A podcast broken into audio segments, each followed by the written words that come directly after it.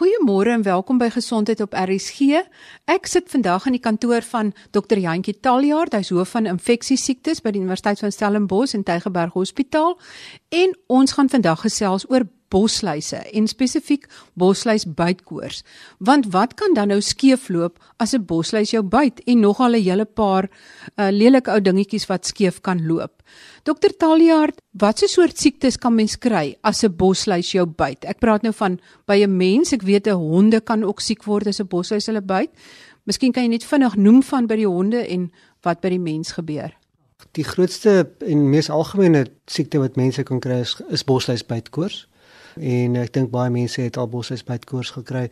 Daar's twee verskillende soorte. Ons kan miskien nou net 'n bietjie meer uitbrei oor die twee verskillende soorte bosluisbytkoors wat mense in Suid-Afrika kan kry. Uh, honde kry bosluiskoors wat ons noem en dit word deur 'n ander organisme veroorsaak. Mense sal natuurlik 'n veearts moet kry om vir mense meer te verduidelik daaroor. En dan is mens uh, in Suid-Afrika sekere dele in Suid-Afrika veral die meer plattelandse dele kan boere en plaaswerkers en abattoirwerkers blootgestel word aan iets soos Kongo koors ook. So Kongo koors is nou die heel slegste een van dinge wat skeef kan loop, maar kom ons fokus op die algemene bosluis bytkoorse wat mens kan kry. Jy het genoem dat daar meer as een soort is. In die laat 1990s is, is daar 'n tweede tipe bosluis bytkoors ontdek in Suid-Afrika en in, in, in suidelike Afrika. Ons besef dat daar 'n geringe soort siekte wat 'n mens kan kry en dan is daar 'n ernstiger soort bosluiskoors of 'n bosluiskoors wat ernstiger kan raak. Die twee tipes is geografies verskillend. Die een tipe kry 'n mens by jou hond meestal van 'n hond bosluis, so dit is meer in 'n stedelike of 'n of amper stedelike omgewing waar die bosluis vanaf die hond na die mens gaan. Dit noem ons 'n Mediterranean spotted fever. Dit is 'n siekte wat jy ook in die Mediterrane gedeeltes van van die wêreld kry en ook in die Caribbean areas. Dit kan soms 'n redelike ernstige siekte veroorsaak. Aanvanklik baie erge hoofpyn, ehm um, die bytplek juk en kan verander en word donkerkleurig. Mens kan dan 'n veluitslag kry 'n paar dae later. So eerstens word jy siek, jy kry die hoofpyn, selfs 'n bietjie nekstyfheid, amper soos 'n meningitis. Jou oë kan ook seer wees, hoë koorse en dan die veluitslag wat 'n paar dae later aankom. Soms kan daar ook soms um, van jou limfnodes vergroot in die area waar die bytplek was. En dan soos ek gesê het, die dokter sal dan onmiddellik soek vir 'n bytplek en dan hierdie bytplek sien wat donkerder word, ons noem dit 'n eschar. Dit kan dan beter word op medisyne dikwels, meestal, maar in mediterrane bosluisbytkoors kan dit soms vir jou in die hospitaal laat beland en soms selfs so erg word dat dit amper lyk soos 'n Kongo koors. En dikwels in pasiënte wat voordoen by ons met Kongo koors, dan soek ons altyd eers vir vir bosluisbytkoors want dit is meer algemeen as Kongo koors, 'n ernstige tipe. Die, die ander soort wat ons kry is meer in die plattelandse dele. Dit is meer wat jy kry met met mense wat in die veld gaan stap met safaris, ook weer eens boere, plaaswerkers, soldate wat miskien uitgaan in die res van Afrika en, en in die veld is. Daai soort van blootstelling veldwagters, hulle word blootgestel aan bosluise wat dan die sogenaamde Afrika bosluis bytkoors oordra, African tick bite fever. Dis 'n meer geringe siekte. Dit gee nie altyd vir jou 'n veluitslag nie, maar dit gee definitief ook vir jou die hoofpyn en die koorse en ook dan nou die bytplek. Soms meer as een bytplek wat dan so donkerkleurig raak en uh, ook dan meer algemeen die limfnode wat vergroot in die areas. En dis 'n minder erge siekte. Jy selde wat jy so siek sal word dat jy in die hospitaal sal beland, maar jy moet natuurlik medikasie neem, maar dit kan mens voel maar baie sleg. Hoe lank nadat die bosluis jou gebyt het, kan jy byvoorbeeld die Mediterrane een kry of die Afrika een? Hulle is presies dieselfde. So 5 tot 7 dae na die bytplek begin 'n ou siek word. En as jy baie sensitief is vir daai tekens, dan kan jy dit baie vroeg optel en medikasie neem en en, en jy sal amper nie baie ernstig siek word dan daarna nie. Hoe langer 'n mens wag met met medikasie, hoe sieker kan 'n mens word. Watter tipe medikasie word dan gebruik? So medikasie is eintlik baie eenvoudig, baie effektief. Dis doxycycline, dis 'n baie goedkoop antibiotika wat mens kan gebruik. En 'n mens neem dit maar vir so tussen 5 en 7 dae en daar selfs mense wat sê as jy net 'n gering siekes kyk, moet vir 3 dae neem, maar ons beveel aan 5 tot 7 dae. Hou jy enige iets daarvan oor? Herstel jy 100% of is daar nou nog een of ander iets wat in jou bloed agterbly? Mens herstel as 'n reël 100%. Daar's 'n paar gevalle met die geringer Afrika bosuitbytkoors beskrywe waar mense nog bietjie de mekaar het 'n paar neurologiese tekens het na die tyd. Maar in die meerderheid van daai gevalle ook maar jy weet 'n maand of twee later sal dit ook herstel. Moet die borsluis groot en vet wees as jy hom van jou afhaal of kan dit dalk van 'n klein borsluisies wees? Is hulle ook gevaarlik? Ja, juist die kleintjies is juist gevaarlik want hulle sien hulle nie so maklik nie. Hulle is gewoonlik aan die in die in die begin van die lente, uh, vroeg somer is hulle nogal baie prominent. Soos ek sê, hulle sien hulle nie maklik nie, so jy haal hulle vinnig af van jou vel af en jou vinniger mens hulle afhaal hoe, hoe laer die kans dat jy 'n infeksie kry. En hierdie ouetjies kruip natuurlik weg en jy sien hulle nie onmiddellik nie. In die tyd wat jy hulle kry, dan is daar reeds 'n infeksie. Ons noem hulle die nimf stadiums en die bosluise gaan maar deur stadiums. So dis nie verskillende bosluise nie. Dis maar net die stadium van die bosluise ontwikkeling van die nimf stadium na meer volwasse stadium. So word hulle groter. En soos hulle natuurlik groter word, is dan wanneer hulle ook dan nou meer wys as hulle die bloed optrek en al hoe groter en vet word. Is dit alle soorte bosluise wat dan geïnfekteer is wat jou kan siek maak of is dit spesifieke spesies? Hoe werk dit? Nee, dit is spesifieke spesies. Soos ek nou nog gesê, die Mediterrane is meestal wat hulle noem die brown dog tick. So dit is meer 'n bosluis wat op honde en ander um, troeteldiere by die huis sal wees. En dan die een wat die Afrika bosluis koors oordra is, is een of twee of drie verskillende spesies, maar hulle is redelik naby verwant aan mekaar en is meestal dan wat op wilde diere in die veld voorkom. En waar kry die bosluis die bakterieë of die virus vandaan? Dit is 'n bakterie, dis 'n Rickettsia bakterie en hulle is maar teenwoordig in die in die omgewing en word maar aan die gang gehou tussen bosluis en dier. En die mens is maar 'n toevallige uh, tussenganger in hierdie siklus. So dit word voortgegaan tussen mens en dier en diere word gewoonlik nie so siek daarvan nie. Met ander woorde, as mense in 'n mediese joernaal lees van Rickettsia, dan bedoel hulle bosluis bytkoors en kry mens verskillende soorte reg oor die wêreld. Ja, dis korrek. Dit is eintlik maar geografies uh, afhanklik van die soort. Ehm um, so elke nou en dan is daar 'n ou wat 'n nuwe Rickettsia ontdek in sy land. Uh, en die siektes is verwant aan mekaar in terme van hoe hulle voordoen en die ernstigheidsgraad ook daarvan. Maar ek sou sê die meer ernstige soorte is die wat jy in Amerika kry, die Rocky Mountain spotted fever. En die Mediterrane bosluisbytkoors wat ons in Suid-Afrika kry, is ook 'n redelike ernstige een, maar in vergelyking met die Rocky Mountain sou ek sê 'n matige siekte. Ehm um, en dan is daar nou natuurlik ander wat minder ernstige siekte veroorsaak soos die Afrika bosluisbytkoors. Wat dan van die ander siektes wat bosluise ook kan oordra? Wel nou mense toe dink ek die heel belangrikste ene in Suid-Afrika is is Kongo koors. Um, dit kom ook in ander lande voor. Dit kom ook voor in in veral in Rusland en in Oos-Europa is daar baie meer kongokoors as wat ons in Suid-Afrika het met groot uitbrekings. Maar dit is maar die siekte waaroor ons bekommerd is in Suid-Afrika. Ons sien nie baie gevalle per jaar nie. Dis meestal die droër areas van die land. Die Karoo areas, uh, Vrystaat se suidelike dele, die suidelike dele van die Noord-Kaap, uh, miskien 'n bietjie in die Wes-Kaap. En dan is daar nou al gevalle ook beskrywe uit ander dele soos KwaZulu-Natal, Mpumalanga en so aan. So dit kom maar eintlik dwars oor die land voor. Ons sien so tussen 1 en 5 gevalle per jaar in die hele land. So is baie skaars, maar is natuurlik 'n baie ernstige siekte met 'n hoë sterftesyfer van omtrent 50%. En as ek nou reg onthou, is dit die bontpoot boshuis of die Hyalomma spesies en Kongo koors is 'n virus, nê? Nee? Dit is heeltemal korrek. Dit is dis die bontpoot bosluis in Afrikaans en in Engels. Dit uh, veroorsaak 'n bloedingsneiging met baie hoë koorse. Ehm um, daar is behandeling daarvoor, maar mens moet die behandeling baie vroeg begin binne die eerste dag of twee anders is dit nie van veel waarde nie. En soos ek gesê het, ehm um, dit het 'n hoë mortaliteit vir alles mense die diagnose laat maak. Dit is ook baie aansteeklik. En vir daai rede moet ons pasiënte wat moontlik Kongo koors kan hê, um, opneem in hoë isolasie omstandighede en, en daarvoor is daar 'n paar hospitale in Suid-Afrika geïdentifiseer in verskillende streke. Elke streek het 'n hospitaal wat geïdentifiseer is as 'n Kongo Koors Hospitaal. Kimberley Hospitaal het een in Tygerberg Hospitaal en so kan jy deur die hele land gaan.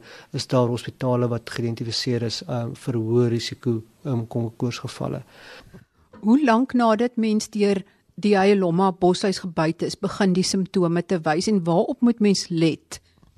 Dit is baie vinnig, enigiets tussen 1 en 3 dae as jy dit hierdie boshuis gebyt word. Wanneer jy dit vanaf iemand anders ter aangesteek word, vat dit 'n bietjie langer, tot 5 dae, maar dit is 'n kort inkubasieperiode in vergelyking met ander siektes. So dit help ons dikwels om te onderskei of iemand miskien of ons dit moet oorweeg of nie.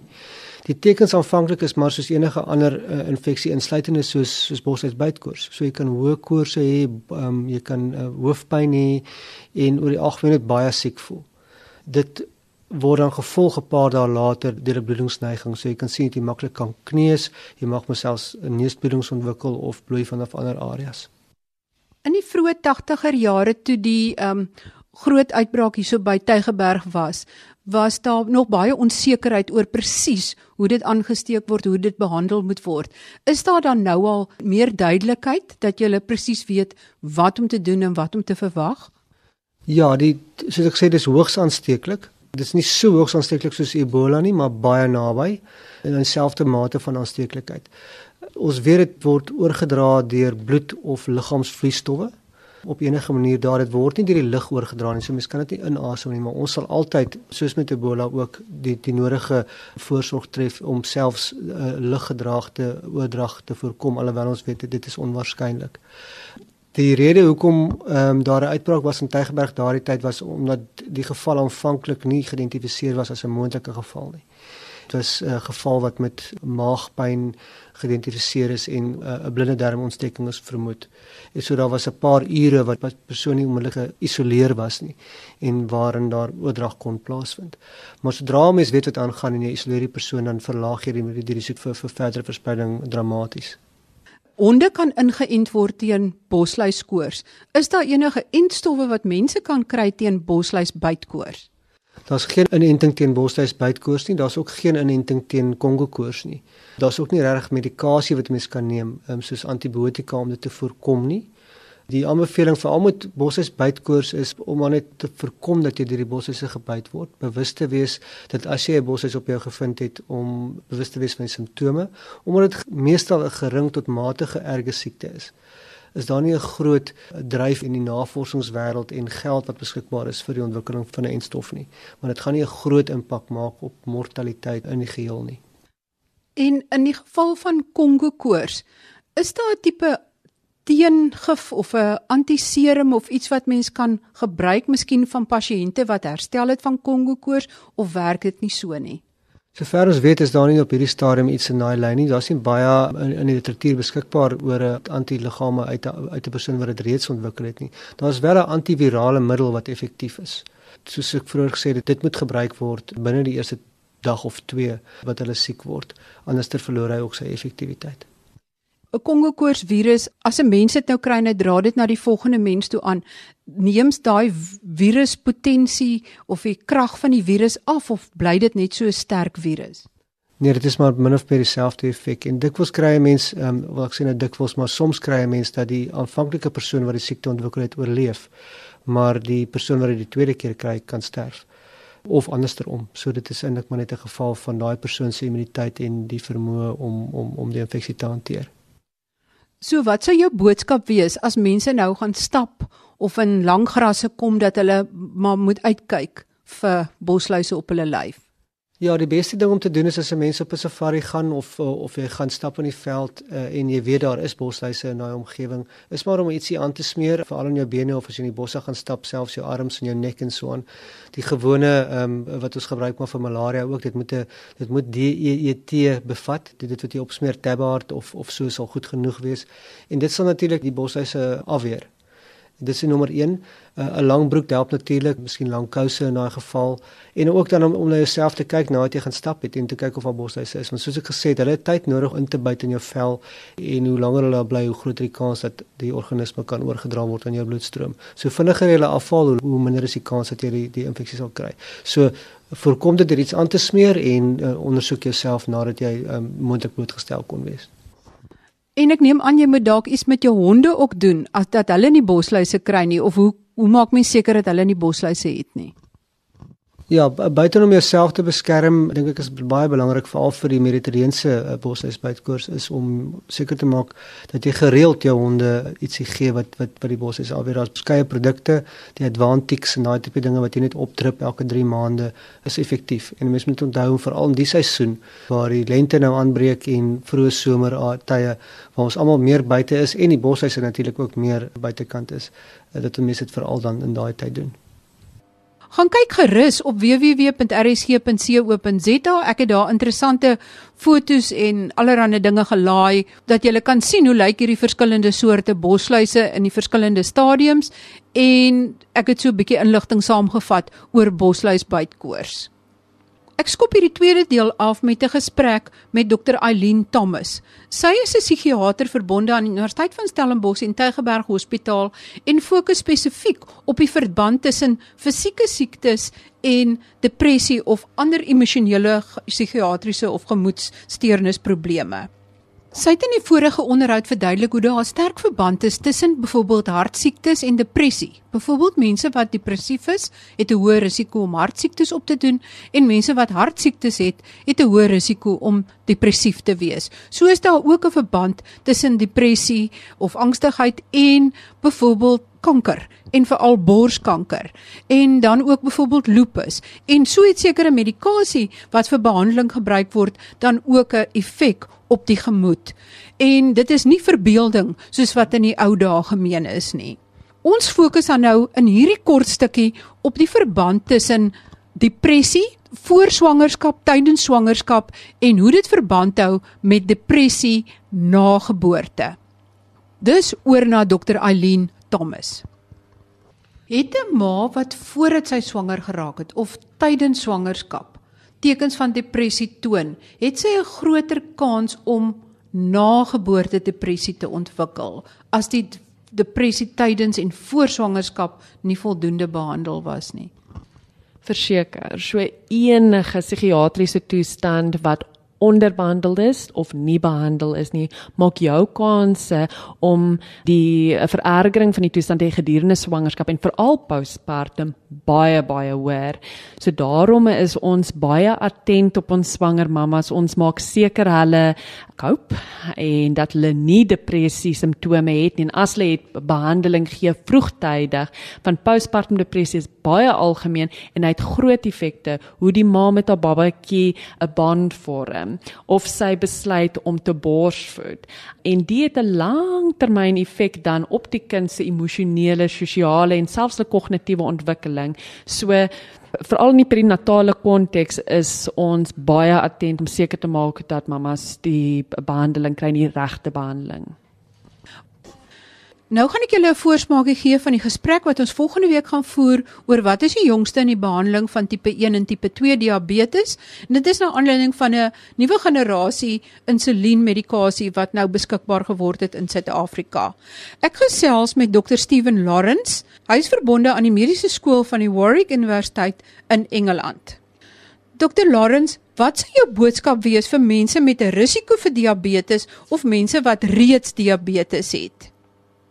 My main message for people in regards to type 2 diabetes prevention uh, is to ensure that you make the lifestyle changes that are necessary to prevent you from getting diabetes because you can reduce your chances of developing diabetes by almost 60% by just doing simple things like going for a walk, a brisk walk for 30 minutes a day, and reducing your intake of high calorie food. That's for people without diabetes. Uh, for people with diabetes, the message would be to work together with your healthcare professional because it is a partnership. And through that partnership, you can therefore reduce your risk of developing complications associated with the diabetes and live a healthy life going forward. Wat is die voordele van die nuwe generasie insulien? The benefit of the new generation of insulin, this co formulation, is that for the first time you have the combination of a very long acting insulin combined with a very short acting insulin together in one device, which means that the person with diabetes can inject knowing that they will not be at an increased risk of what we call hypoglycemic episodes, they, where the blood glucose falls very low. Uh, they can inject just before they have their meal, and there isn't any need to wait for the insulin to take effect.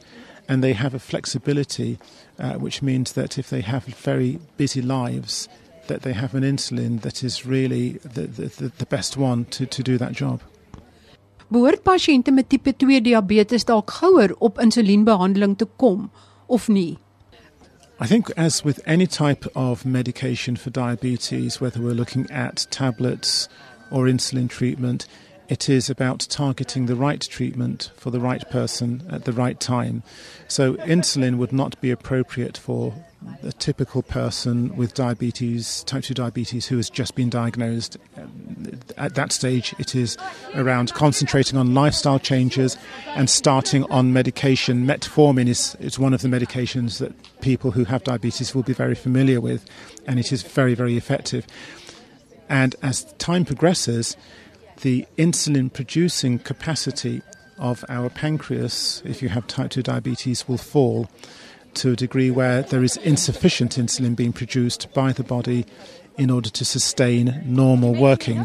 At that point, then insulin is absolutely necessary, and to delay the introduction of insulin at that stage will result in that person potentially being put at risk of complications from the diabetes. Thank you Dr. Lawrence. Dit is aan die einde van ons program vir vandag, maar skakel gerus volgende week in wat ek met 'n mediese spesialis gesels oor die jongste inligting oor tipe 1 en tipe 2 diabetes en spesifiek met fokus op die jongste in die behandeling daarvan. Tot volgende week dan. Totsiens.